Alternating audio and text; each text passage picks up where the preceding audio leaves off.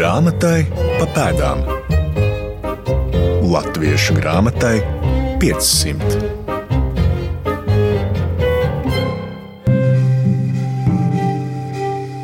Esiet sveicināti! Mans vārds ir Marijona Baltkalne. Raidījumu ciklā grāmatai pa pēdām Latviešu grāmatai 500 ceļojot pa 18. gadsimtu, esam sastapušies ar tādām nozīmīgām personībām kā Johans Kristofs Broce, vecais stenders Johans Friedrichs Stefenhāgens un esam stāstījuši arī par vidzemes hernhūtiešu brāļu draugiem. Iepriekš dzirdētais šoreiz savīsies kopā ar stāstu par vēl kādu īpašu personību šajā pašā gadsimtā. Tas ir Jānis vai Johans Steinhauers. Latviešu uzņēmējs, manufaktūru un mūžu īpašnieks, hernhūtiešu kustības vadītājs Rīgā un cīnītājs par latviešu tiesībām. Daudzpusīgs cilvēks, kurš cildināts par mazu un kura piemiņa pa mazam gabaliņam pēdējo gadu laikā tiek atkal likta kopā lai iespējams kādā brīdī mēs Steinhaueram uzceltu vēl spožākus un lielākus pieminekļus. Steinhauera dzīves mirkļus aplūkosim kopā ar Latvijas Nacionālās bibliotēkas vadošo pētnieku Paulu Dāju un arhitektu Pēteri Blūmu. Paralēli daudzajām nodarbēm Steinhauers bijis arī grāmatu cienītājs, un daļēji ir pieejamas ziņas par to, kāds izskatījās viņa grāmatu plaukts.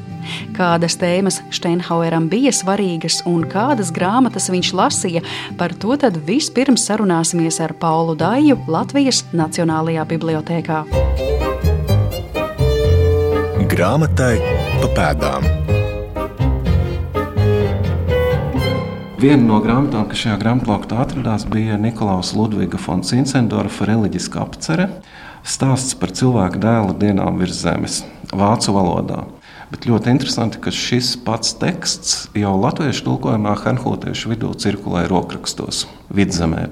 Bet jā, mēs zinām, kāds izskatījās Steinhauera grāmatplaukts, tāpēc, ka pēc viņa nāves šīs grāmatas tika izsolītas otrupē, arhīvā ir saglabājušies Rīgas bāriņtiesas dokumenti no 18. gadsimta beigām. Tātad runa ir par 1779. gadu ir saglabājušies dokumenti un ir otrs protokols. Un šos dokumentus pētīja 1980. gadā Valda Petersone un Melita Svarāne. Viņas ir publicējušas ļoti interesantu pētījumu par grāmatām Rīgas latviešu mājās. Un Steinhauers ir viens no šādiem Rīgas latviešiem. Un īstenībā, ja mēs gribam pietuvoties Steinhauera personībai, viņam kā cilvēkam, Protams, grāmatplaukts ļoti daudz ko pasaka. Tas ir drusku tas pats, ko par mums pasaka mūsu internetu meklēšanas vēsture. Par vārdu grāmatu plaukts mēs runājam tiešā, burtiskā nozīmē. Kas viņam mājās stāvēja, kas šajā plauktā atradās? Ja? Es tieši par šo jautājumu domāju. Jo mēs pilnīgi droši neesam, bet es domāju, ka ar 99% varbūtību mēs varam teikt, ka tas bija plaukts. Tāds pats plaukts, kāda ir mūsu mājās, kur mēs glabājam grāmatas. Jo vispār jau grāmatu plaukts tādā modernā izpratnē, nu, tā nav tik sena parādība. Tas 15. un 16. gadsimts. Mēs droši zinām, ka sākotnēji grāmatas plauktos neglabāja tā, kā mēs to darām. Nevis vertikāli, bet glabāja horizontāli, lika kaudzēs. Un bieži vien, ja glabāja vertikāli, tad lika ar muguriņām pret sienu. Un savukārt uz tās lapušu daļas mēdza uzrakstīt grāmatu nosaukumus. Es esmu šeit paņēmis līdzi dažas grāmatas, kādas varēja atrasties viņa grāmatplauktā. Tās, kuru nosaukumi un izdošanas dati ir ļoti konkrēti fiksēti Utrupas protokolā, līdz ar to mēs droši varam teikt, jā, šī grāmata, ne šis konkrētais eksemplārs, bet šī grāmata Steinhaueram ir piederējusi un viņš to ir lasījis. Ļoti svarīga nozīme grāmatu izmēram. Mēs šeit redzam dažas ļoti mazas grāmatas, bet dažas arī, nu, gribētos teikt, milzīgas grāmatas. Un tad, nu, jā, tās tradīcijas ir bijušas dažādas, un gal galā mēs esam nonākuši pie tā ceļa, kad mēs glabājam grāmatas plauktā vertikāli, bet interesanti atcerēties, ka bija arī savādāk. Un īpaši laukos bieži vien arī grāmatas neglabāja plauktos, bet gan lādēs. Tā kā domājot par Steinhaueru, nu, visādi varianti tur var būt. Bet tas, ko mēs zinām, ir, ka izsolē izpārdeva 92 grāmatas. Vai tā ir visa Steinhauera biblioteka, vai arī bija vēl kaut kas grūti spriest, bet nu, vismaz 92, kas tomēr ir diezgan daudz. Un no šīm 92 grāmatām apmēram 50 ir diezgan precīzi aprakstītas. Līdz ar to mēs varam no šīm 50 izdarīt kaut kādus secinājumus par Steinhauera interesēm, par viņa personību, par to, kā tā dzīve viņa mājās ir itējusi. Vai jums eh, ir arī kaut kas vairāk zināms par to, kāds ir šo grāmatu ceļš no grāmatu plaukta līdz izsolēji, vai tas jūsu minēto pētnieču veikumā ir arī aprakstīts? Nu, ir tā, ka parasti bāriņu tiesā šīs mantojuma lietas kārtoja, kā Petersona un Cvarāna raksta, tad, ja mantas atstājējiem bija nepilngadīgi bērni, ja kāds no mantiniekiem nebija Rīgā, vai arī ja mantinieki nevarēja vienoties par mantojuma sadali. Mēs droši zinām to, ka piemēram Steinhauera dēls Daniels nopirka vairākas grāmatas. Citas grāmatas iegādājās ļoti dažādi cilvēki, bet vismaz četri viņu vidū bija latvieši. Divi bija zvejnieki, viens bija ankurnieks un viens bija mastu šķirošanas amatmeistars. Kas ir tas vērtīgais, ko jūs būtu gatavs atklāt no šī Steinhauera grāmatplaukta? Kādas tur eh, tēmas parādās, kādas tad bija viņa intereses? Nu, ir vairākas ļoti interesantas lietas. Svarīgā grāmatzīme. Tās trīs galvenās tēmas, kā var sagrupēt Steinhauera plauktā bijušās grāmatas ir pirmkārt reliģija, ļoti svarīga. Tās ir grāmatas, kas ir saistītas ar pietismu kustību. Tā ir kustība, no kuras izauga hernhūtieši. Runājot par Steinhaueru, īstenībā nevienā brīdī nevaram no hernhūtiešiem aiziet projām. Bet tad ļoti interesanti ir grāmatas par vēsturi un politiku. Un ir grāmatas par dažādiem ikdienas dzīves jautājumiem, praktisko padomu grāmatas. Tātad šādas trīs grupas interesanti, ka nav fiksēta neviena daļa literatūras grāmata. Vai no Steinhauers piederēja pie tiem 18. gadsimta lasītājiem, kas uzskatīja tomēr romānu lasīšanu par veltīgu laiku šķiešanu? Tāds viedoklis bija ļoti izplatīts. Vairāk skatījās uz lasīšanu kā tādu vērtīgas informācijas ieguvi, vai arī vienkārši, ja tādas daļliteratūras grāmatas ir bijušas, tad nu, tie nosaukumi otrupas protokolā nav minēti. Un tas pats ir sakāms par grāmatām latviešu valodā, jo svarīgi ir, ka Steinhauera plauktā bija grāmatas gan latviešu, gan vāciski. Un vispār jau Rīgas latvieši bija bilingvāli vai pat vairāk, prata dažādas valodas. Un, protams, ka Steinhauers ļoti daudz informācijas ieguva no grāmatām vāciski, bet svarīgi, ka viņš latviešu valodu neaizmirsa. Un šeit mēs redzam 1739. gada Bībeli, Un mēs redzam arī sprediķu krājumu latviešu valodā. Tātad reliģiskas grāmatas, protams, tas Steinhauera laiks jau ir tas, kad laicīgā latviešu literatūra vēl tikai sāka veidoties. Bet pat ja viņa krājumā būtu bijuši arī piemēram kādi vecā stendera stāsti vai ziņas, kas nav izslēgts, tad ļoti liela varbūtība, ka tie neparādījās otrupas protokolā, jo parasti tādas mazformāta latviešu grāmatas īpaši detalizēti neaprakstīja. Teica vienkārši viens grosis ar grāmatām. Tikko grāmata ir liela formāta, tikko tā ir pamatīga, lielāka grāmata, dārgāka līdz ar to, tā viņa arī detalizēti apraksta. Un es esmu šodien paņēmis līdzi četras grāmatas. Viena ir manis jau pieminētā Bībele, Bībeles otrais izdevums, kas, starp citu, arī tapa ar Cincendorfa atbalstu pietismu ietekmēm. Un otra ir Kristiāna Dāvida Lences prediķu grāmata.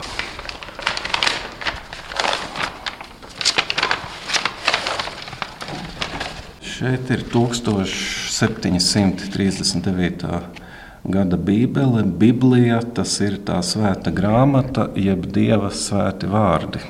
Izdota Ķensbergā, tātad Kenigsbergā.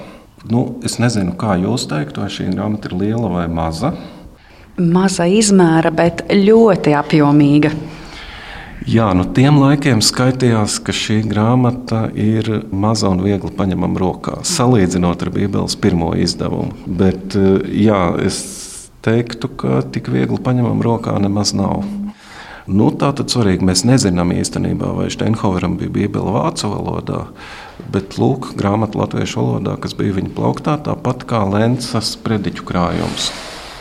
Jā, nu šī ir vēl grūtāk paņemama līdzi. Jā, nu Lences prediķu krājums nebija pats populārākais.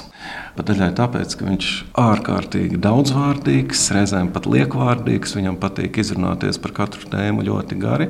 Es domāju, ka bija 18. gadsimtā tādi lasītāji vai klausītāji baznīcā, kas tieši to arī meklēja Bet jāatzīst, ka bija citas sprediķu grāmatas, citi autori, kas bija varbūt fokusētāki un kompaktāki, kuru darbi tika biežāk pārizdoti, un tas nozīmē, ka arī vairāk pieprasīti.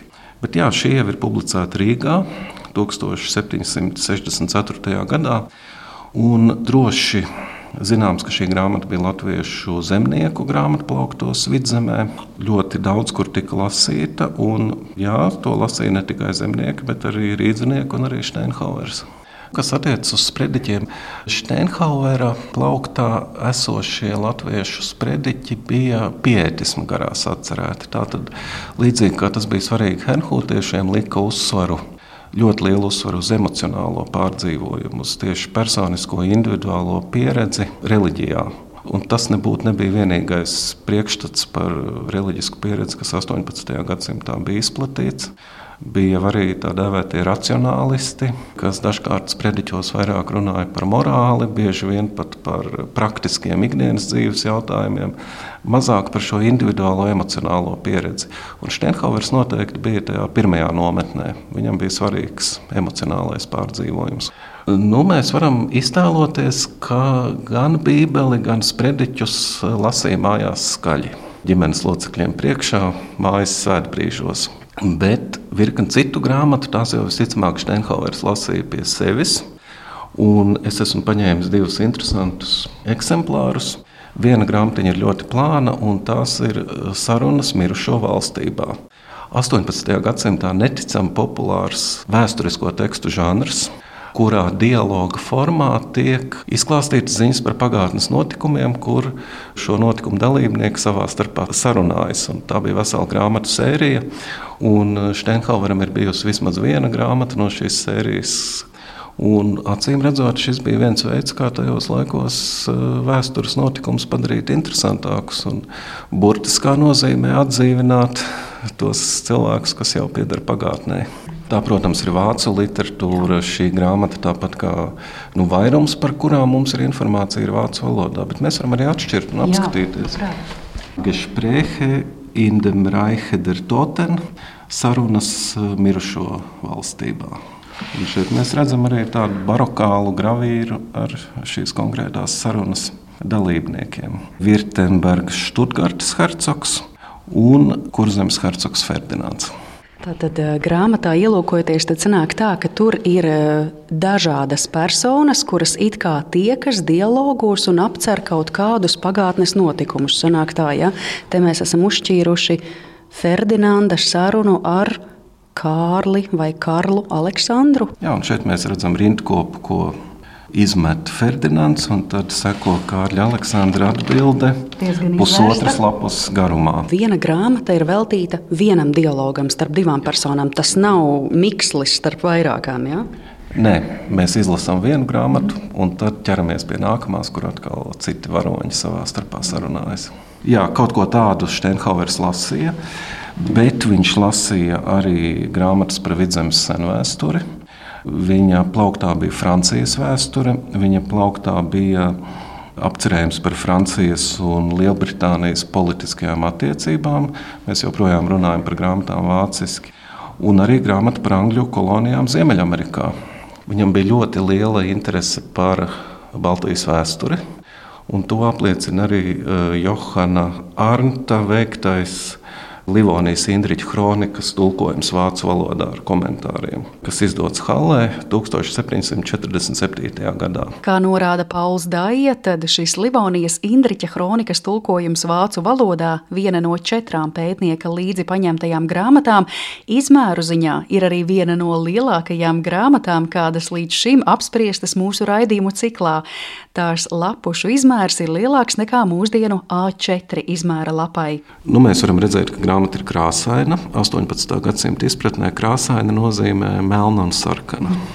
Un jā, atkal eh, viens moments, kas norāda uz Steinhauera eh, interesi par viņa latviešu saknēm un latviešu piedarības sajūtu, Jo nevelti Steinhauers arī uzticēja vēsturniekam Maskovam sagatavot pārskatu par latviešu vēsturi.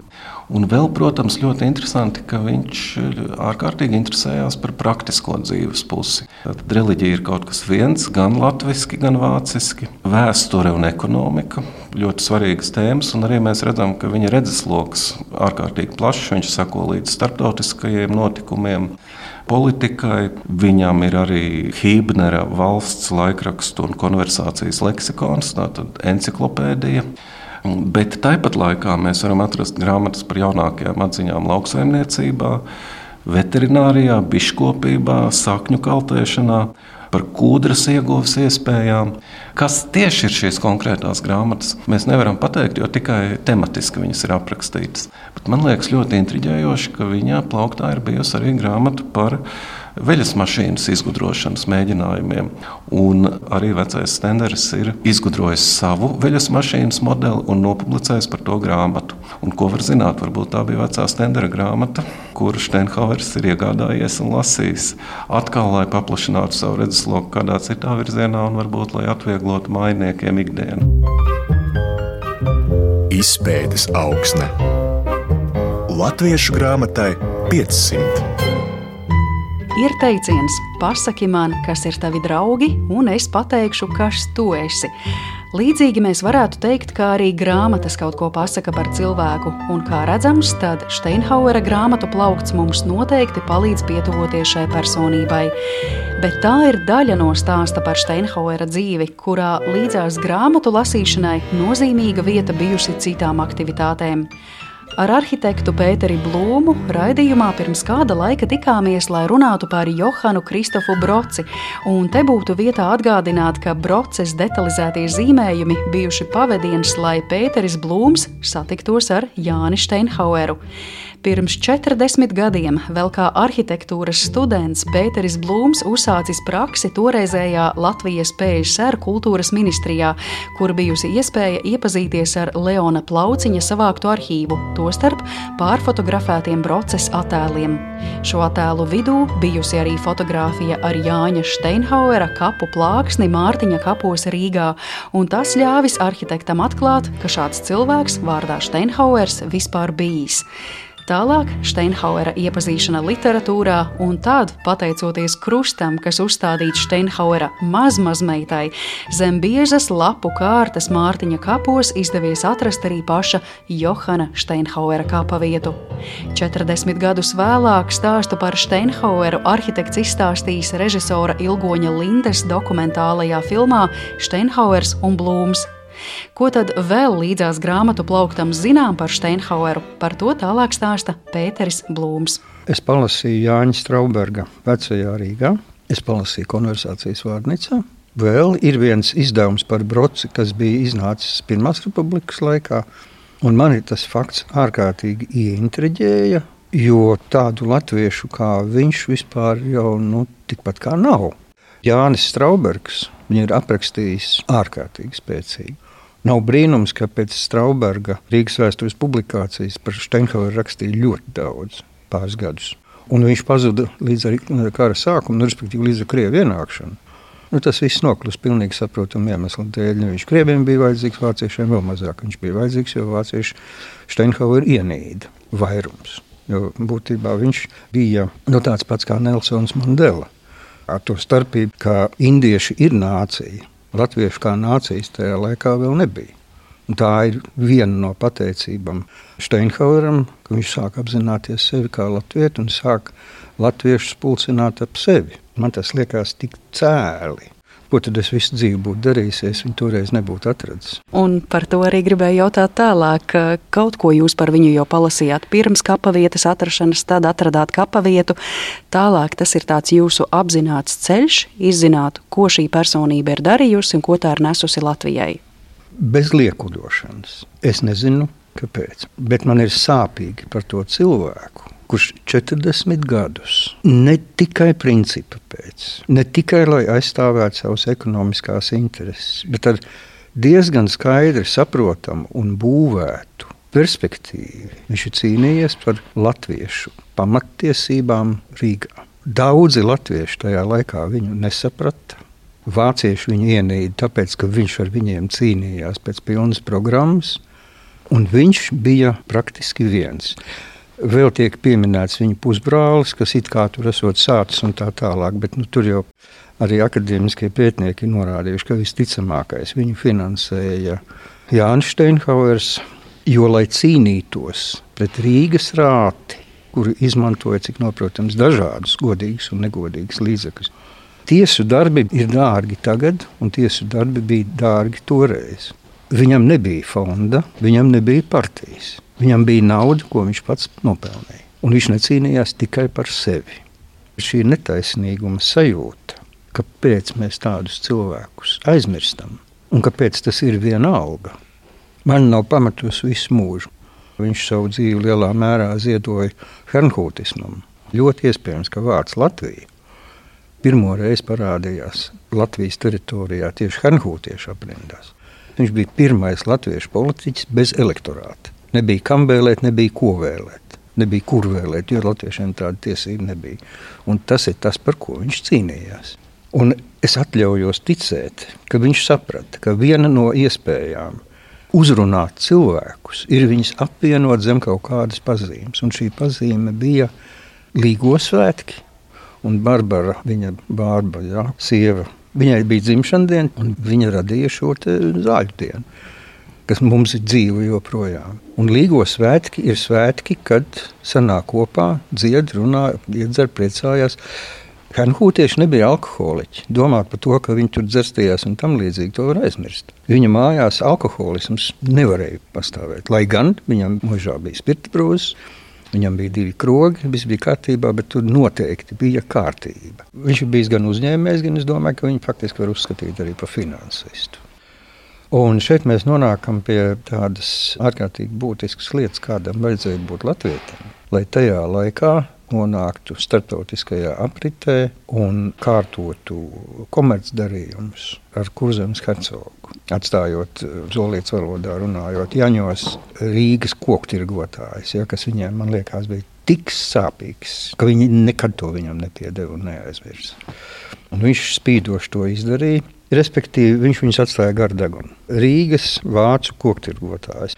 Jo viņi uzskatīja, ka koki hercogam bija jāpērk caur Rīgas biržu, caur viņiem, caur lieltirgotājiem, kur bija ģildē reģistrēti un tam līdzīgi. Bet viņš oponēja un teica, ka Rundāla neatrodas Rīgas jurisdikcijā. Tā ir kurzemes hercogiste. Viņam tās tiešāšanās bija nepārtrauktas.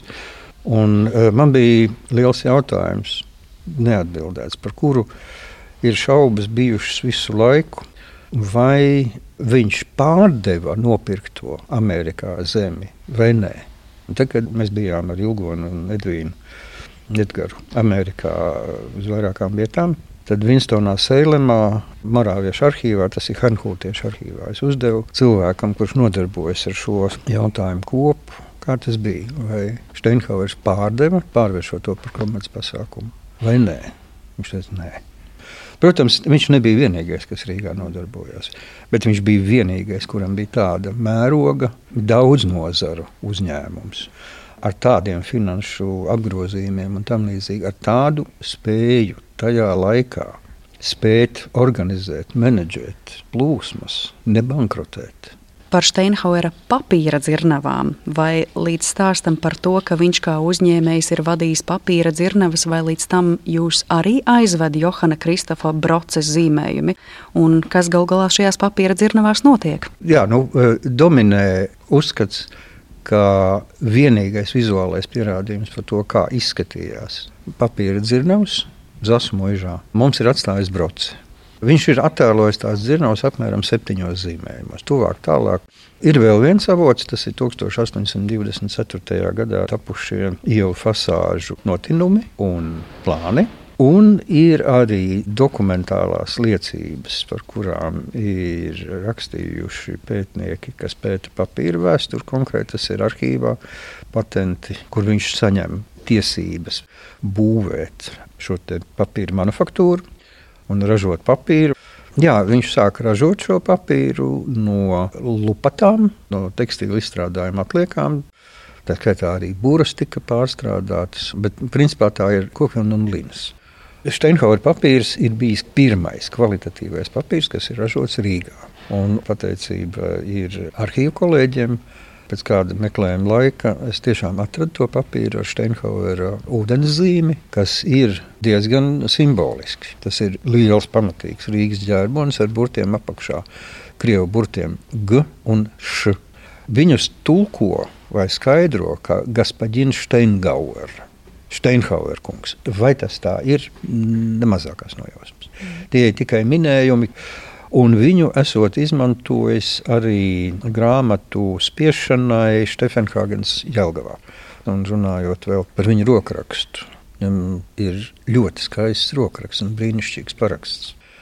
Un filmā par Steinhaueru bija viena epizode, viena roka parakstās kā Steinhauers. Tā ir mana roka. Un, uh, es kādu laiku pavadīju trenēdamies rakstīt ar Zosu Spaulu, kuras pasūtīju Vācijā. Un es iemācījos parakstīties precīzi kā Steinhauers. Un tas ir tāds īpašs sajūtu līmenis, ka cilvēku, ar kuru tu esi bijis kopā ļoti ilgi, paraksties kā viņš. Viens ārkārtīgi būtisks iezīmes, ko es uzskatu par izšķiroši svarīgu. Steinhauers bija pirmais. Ko nozīmē būt pirmajam? Ja tu esi uz vientuļas salas, un tev ir kaut kādi cilvēki apkārt, bet tu nezini, kas viņi ir. Viņi runā vienā valodā, bet viņi īsti nesaprot. Viņi tā kā apmaldījušos telplaikā. Viņiem viss dara pāri, bet viņi mēģina dzīvot, viņi mēģina iet uz priekšu. Viņš viņus sāk uz kaut kurien virzīt pa kaut kādiem ceļiem. Viņš ir bijis spēcīgs cilvēks, ne tikai personība, bet spēcīgs cilvēks, ka viņš izdzīvoja to vaiprātīgo laiku kas ir Ziemeļu karš un drausmīgi bargo ziemu, kas bija 709. un 710. gads, un mēri viņš izdzīvoja, ka viņam pusi ģimenes apmīra. Daļu ciemu noskaloja tajā laikā. Faktiski tas ir diezgan labi redzams, ka to ciemu ieskaloja vienkārši jūrā 710. gadā. Viņš tam visam ir izgājis cauri. Un viņa tēvs jau ir bijis talantīgs un spējīgs cilvēks, arī veiksmīgs komersants. Un viņam arī bija savi uzņēmumi. Un ir zināms, ka tēvs Jānis ņēma līdzi savos braucienos uz mežiem. Viņš viņu mācījis. Un viņiem būtībā tas bizness bija, cik var noprast, arī kopīgs. Respektīvi, tā nav viena paudze. Iespējams, neviens vien klausītājs mūsu sarunas laikā aizdomājies, kas mums ļauj uzskatīt, ka Johans Steinhauers bijis latvietis. Arī es uzdevu šo jautājumu Pēterim Blūmam, un avotu ir pietiekami daudz. Baznīcas grāmatas krustmātes krustā radi vide, kurā viņš dzīvoja, vide, kur viņš piedzima. Jo būtībā nu, viņš nevarēja īsti neko citur piedzimt, kā tikai Ilģu ciemā, vecajā Ilģu ciemā. Un ir 1704. gada plāns, karte, kurā ir atzīmētas visas tā laika Ilģu ciemā mājas ir atzīmēti visi Ilģiskiem māju īpašnieki, ne iedzīvotāji, bet īpašnieki. Un starp viņiem ir trīs māju īpašumi, kas ir piederīgi Steinhauer dzimtai. Un, uh, iespējams, ka tur kādi varbūt arī bija vācieši, jo tur pāris, burtiski pāris vācu uzvārdi bija. Bet pārsvarā tur visi ir tiešām absolūti tīri latviešu uzvārdi. No kurienes ir izlicis šis latviešu Steinhauers, neviens īsti nezina. Varbūt tur ir notikusi kaut kāda uzvārdu maiņa. Jelgavā 17. gadsimtā bija viens tirgotājs, bet tas bija no Vācijas. Viņam nebija vīriešu vairāk zemes turpinājumā. Tur tas zars ir nomiris. Steinhaueri viņi ir bijuši Prūsijā, Steinhaueru Vācijā nav ļoti daudz, bet viņi ir daudz. Respektīvi, tā mēs varam visādi ķiķināt par šo jautājumu, bija viņš latviečs vai nebija viņš latviečs. Bet ir jāsaprot viena nianse, kas ir, es domāju, vesela nopietna pētījuma tēma. Vai cilvēks, kurš uzdotu sevi par latvieti, un gribētu lietot savu dzimto valodu 18. gadsimta Eiropā, vispār tiktu uzskatīts par normālu cilvēku, kur ir jāņem galvā? Domāju, ka nē. Un vēl viens jautājums ir, kāpēc tās dzimtas jauda apsīk? Tas arī ir liela pētījuma vērts, jo es domāju, ka tēvs Jānis Steinhauers ar savu neatlaidību, spītību, tieksmi pēc taisnības, viņš saviem bērniem neradīja ļoti auglīgu vietu, kur varētu komfortabli dzīvot. Tas ir viens, un otrkārt, viņš saviem bērniem centās dot vislabāko izglītību, kādu viņš varēja atļauties tajā laikā. Viņš viņus sūtīja tāpat kā mūsdienās to dara, Jā. labās mm. skolās, kuru priekš latviešiem tajā laikā, sevišķi priekš Steinhauer bērniem. Latvijā varēja aizmirst. Nu, to daļa pētnieku, kas runā par to, nu jā, nu tā Steinhauer dzimta viņa iznīk. Viņi nav sev uzdevuši šo jautājumu. Daudzas lietas no mūsu apziņas un iztēles un ikdienas pazūd tāpēc, ka mēs neesam aizdomājušies līdz tam, ka par viņām vajag atgādināt vidē un telpā. Pieņemsim, mēs ejam pa ielu un pēkšņi ieraudzām, oh, skaties, paklau, re, kur Jānis Steinhauer iela parādījusies. Kas viņš ir? Un tur ir paskaidrojums, kas ir Jānis Steinhauers pie tās pašas plāksnītes. Varētu būt arī apbalvojumi Jānis Steinhauera vārdā nosauktā, un konferences, un stipendijas. Un varētu būt bērnās Steinhauerīši. Ja? Nu, viss, kas var būt. Jā. Pilsēta ir pilna ar vēsturi. Ir jābūt kaut kādai ierosmei, ka tā ir vieta, ko var atvērt. Meklējiet, meklējiet, pavērt. Tas ir arhitekta aicinājums gan apkaimju biedrībām, gan ikvienam citam būt aktīviem, Šī gada 31. marta vakarā šo aicinājumu sadzirdēja daudzi interesanti, tiekoties pasākumā izrakt Steinhaueru Latvijas Nacionālajā bibliotēkā. Tur līdzās stāstiem par Steinhauera dzīvi, 3D modeļu demonstrācijām ar Ilģu ciemu senatnē un Steinhauera dzirnavām, klausītāji šķiet varēja pietuvoties arī Steinhauera dvēselistīgām Hernhūtiešu garīgajā dziesmā Zanes Šmites un Ilzes Gruntes izpildījumā.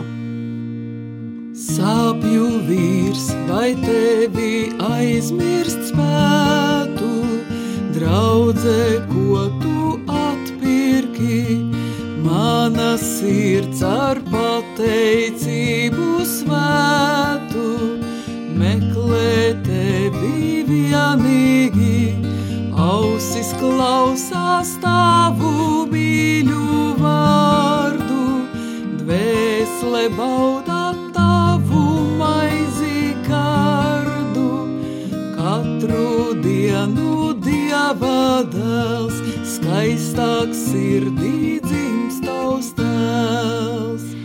Steinhaueram veltītais vakars ir aizritējis, šis raidījums izskan, un mums visiem kopā turpmāk atkal būs nepieciešams gribas spēks, lai pretotos aizmirstības inercei un lai neaizmirstu savus varoņus, lai neaizmirstu Johanu Steinhaueru.